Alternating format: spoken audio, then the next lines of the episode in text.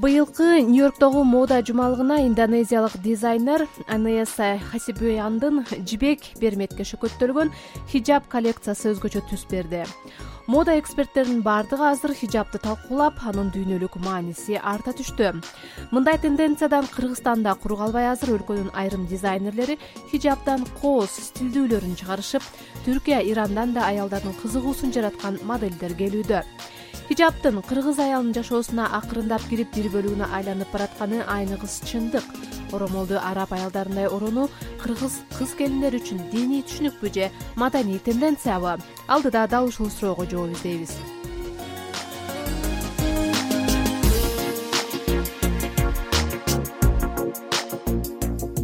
жашы жыйырмадан эми ашкан бактыгүл бишкектеги борбордук мечиттин жанында аялдардын кийимин сатып иштейт. Хиджаб кийген кыргызстандык кыз келиндер деле модадан кур калбай аны кубалашат. Акыркы тенденцияларга бактыгүл мындайча токтолду.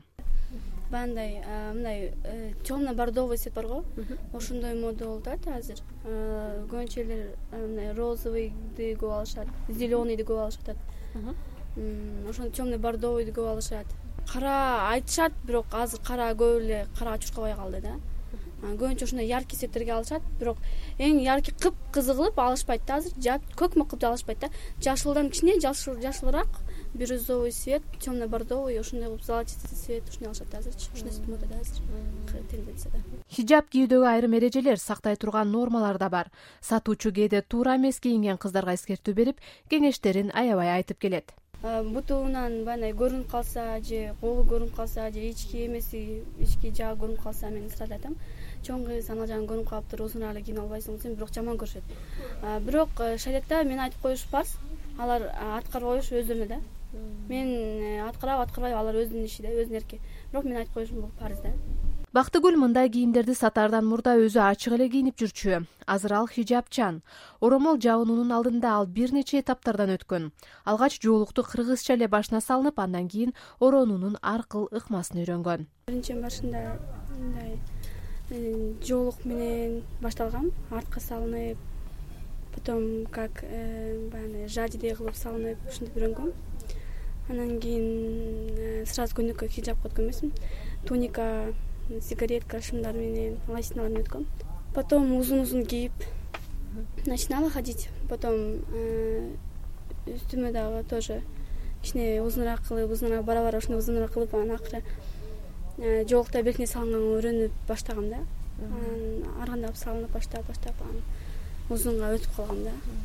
Бир мисалы көчөдөн же болбосо эмеден дискриминация кылып тийишкен учурлар болобу? Ооба тийишкен учурлар болот. Э, көбүнчө маршруткаларда тишет айтышат э, типа жоолукту эмнеге салындың депчи. Биздин ушул азыркы күнгө мындай хиджаб кийбей эле койбойсуңбу депчи. Сен пайгамбарыбыз саллаллаху алейхи вассаламдын доорунда жашадың беле деп. Же ошол доорунда эменин мындай салттын кийинип атасыңбы депчи. Анан ошондой сөздөр айтышат сага ысык эмеспи депчи. Тебе не жарко деп орустар особенно кээде кээде кыргыз аялдар да айтып калышат. Ал арада орусияда аялдардын айым коомдук бирикмесин башкарган шахризада аданова акыркы учурда мигрант кыз келиндердин арасында да хиджаб кийүү маданияты жайылганын айтат. Өзү да оромол салынганына бир нече жыл болгон. Бирок аданова кийим менен динди байланыштырууга кошула бербейт. Эми хиджабты бул динге эле такаган туура эмес да мисалы кудай айтты деп эле кийип алганчы биринчи ойлонуш керек эми ошо эмнеге аллах таала хиджаб кий деп атат аялдарды ошентип жабын деп атат депчи? Биринчиден бул врачтардан сурасаңыздар айтат ден соолукка өтө пайдалуу депчи. Сырттагы энергиясы кетет.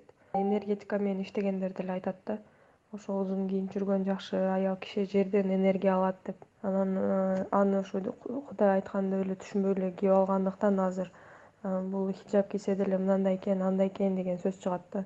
Ошон үчүн э, мен өзүм деле айтам да бирөөлөргөчү мындай мени ошо хиджаб кийиптир жоолук кийиптир деп эле мындай жакшы адам деп ойлоп жемтип ошентип ойлоп албагыла ислам деп түшүнүп албагыла депчи. Мусулмандар неме идеалдуу эмес ислам идеалдуу дейт го. Динде башы көздү чулгап оронуп алуу деген түшүнүк жок экенин укук коргоочу эркайым садыкова да белгилейт. Ал өзү эки миң он биринчи жылдан бери беш убакыт намазын үзбөй окуп башына хиджаб эмес жөн гана жоолук коронот. Дин менен хиджабты байланыштырууга эркайым такыр кошулбайт.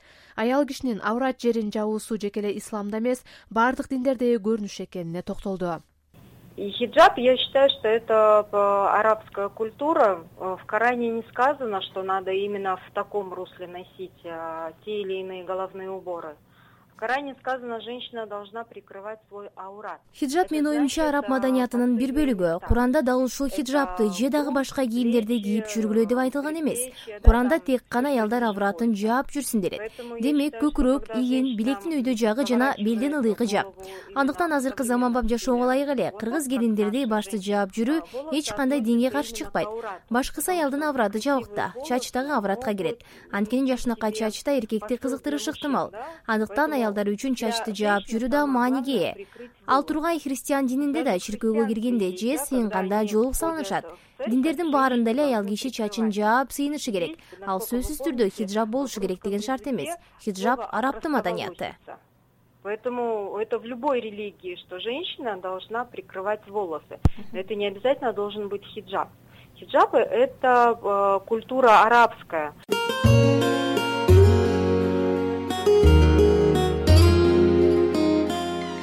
кадырман угармандар аялзат түрмөгүн угуп жатасыздар. Аны мен бактыгүл чыныбаева алып баруудамын.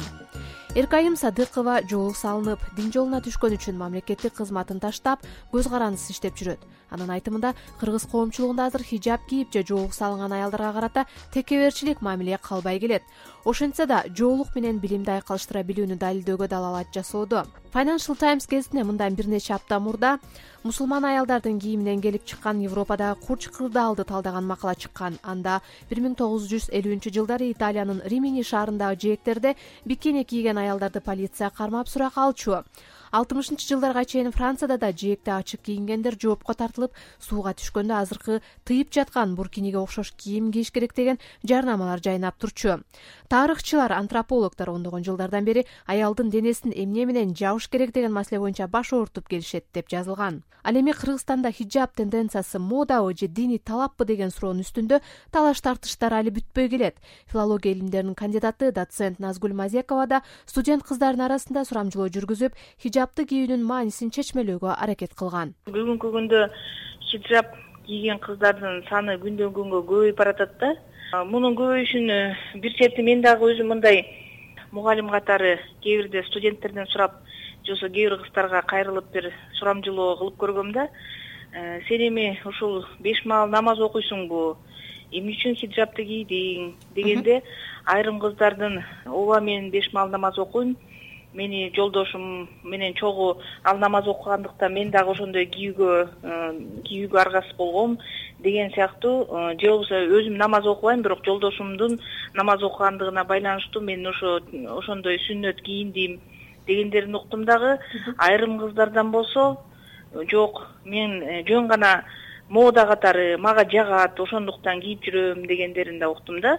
Анан үчүнчүдөн кээ бир кыздардын мындай түшүнүк бар болуп кетпедиби бизде акыркы күндөрүчү эгерде ческасын башкача жасап алып же болбосо ашыкча боенуп алган кыздарды мындай тартиби жогураак деген сыяктуу э, ал эми хиджаб кийгендерди ыймандуу беш маал намаз окуй таза булардын аң сезими дагы түшүнүктөрү да таза же болбосо эртеңки күнү турмушка чыкса бул кыздар ыймандуу келин болот деген түшүнүктөн улам кээ бир кыздардын жөн гана турмушка чыгуу максатында же болбосо ыймандуу деп аталуу максатында кийип жүрөбүз дегендерин дагы уктум да. Мына ошондуктан э, тиги жыйынтык чыгардым бул хиджабтын э, кийүү акыркы күндөрү жөн гана модага айланып бараткан сыяктуу сезилди да мага мазекова акыркы мезгилде хиджабты стилдүү кооз кылып тиккен кыргызстандык дизайнерлер жана чет элден келген импорттук узун кийимдер да көздүн жоосун алып аялдардын диний көз карашын эмес моданы кубалап эле кийүүсүнө өбөлгө болуп жатат деген пикирде.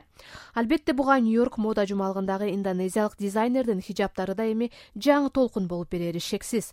Себеби кырк сегиз түрлүү хиджаб модельдери үлпөт көйнөктөрү хиджаб индустриясына кошулган чоң салым деп белгилейт муslим girl журналы. Ал эми коомдук ишмер журналист кален сыдыкова жакынкы чыгыштын маданияты азыр кийим аркылуу кыргыз аялдарына таңууланып жатканына нааразы. Ал мода эмес ал ошол эки жашаган адамдардын башка улуттардын э, күнүмдүк кийип жүргөн кийимин бизге алып келип атпайбы ошо атайын алып келип зордоп э, азгыруу менен бул мода эмес. Албетте кыргыздын кыздары эми өзүбүздүн эле кийимдерди кийсе болмок да мен ушундайларга каршымын. Хиджабты бизнес кылыш үчүн дагы ошондой хиджабтарды э, тигип бияктан сатып анан кийин ошол элге көбүрөөк жайылыш үчүн аларды бекер таркатып жүргөн атайында бир коомдук уюмдар бар ошо диний жагына басым жасаган. Анан бул эми биздин э, кыргыз маданиятын ошонун жашоо тиричилигине болуп аткан э, кылмыш деп айтса да болот да бул аялдардын оромолунун айланасында дүйнөнүн булуң бурчунда чоң талаштар болуп келген. Маселен европанын айрым өлкөлөрүндө оромолго тыюу салынган. Коңшу казакстан азербайжан түркмөнстан тажикстан жана өзбекстандын жогорку окуу жайларында иштеген аял заты жана коомдук жерлерде кызмат өтөгөндөр окугандар хиджаб кие алышпайт. Бир миң тогуз жүз жыйырма бешинчи жылы түркияда республикалык бийлик орноп оромолго жана паранжага окуу жайларда тыюу салынганы менен эки миң сегизинчи жылы режеп тайып эрдоган башында турган ак партия бийликке келгени кайрадан жоолук салынууга уруксат берилди. Ал тургай түрк полиция аялдары да эми фуражканын алдынан жоолук салына алышат.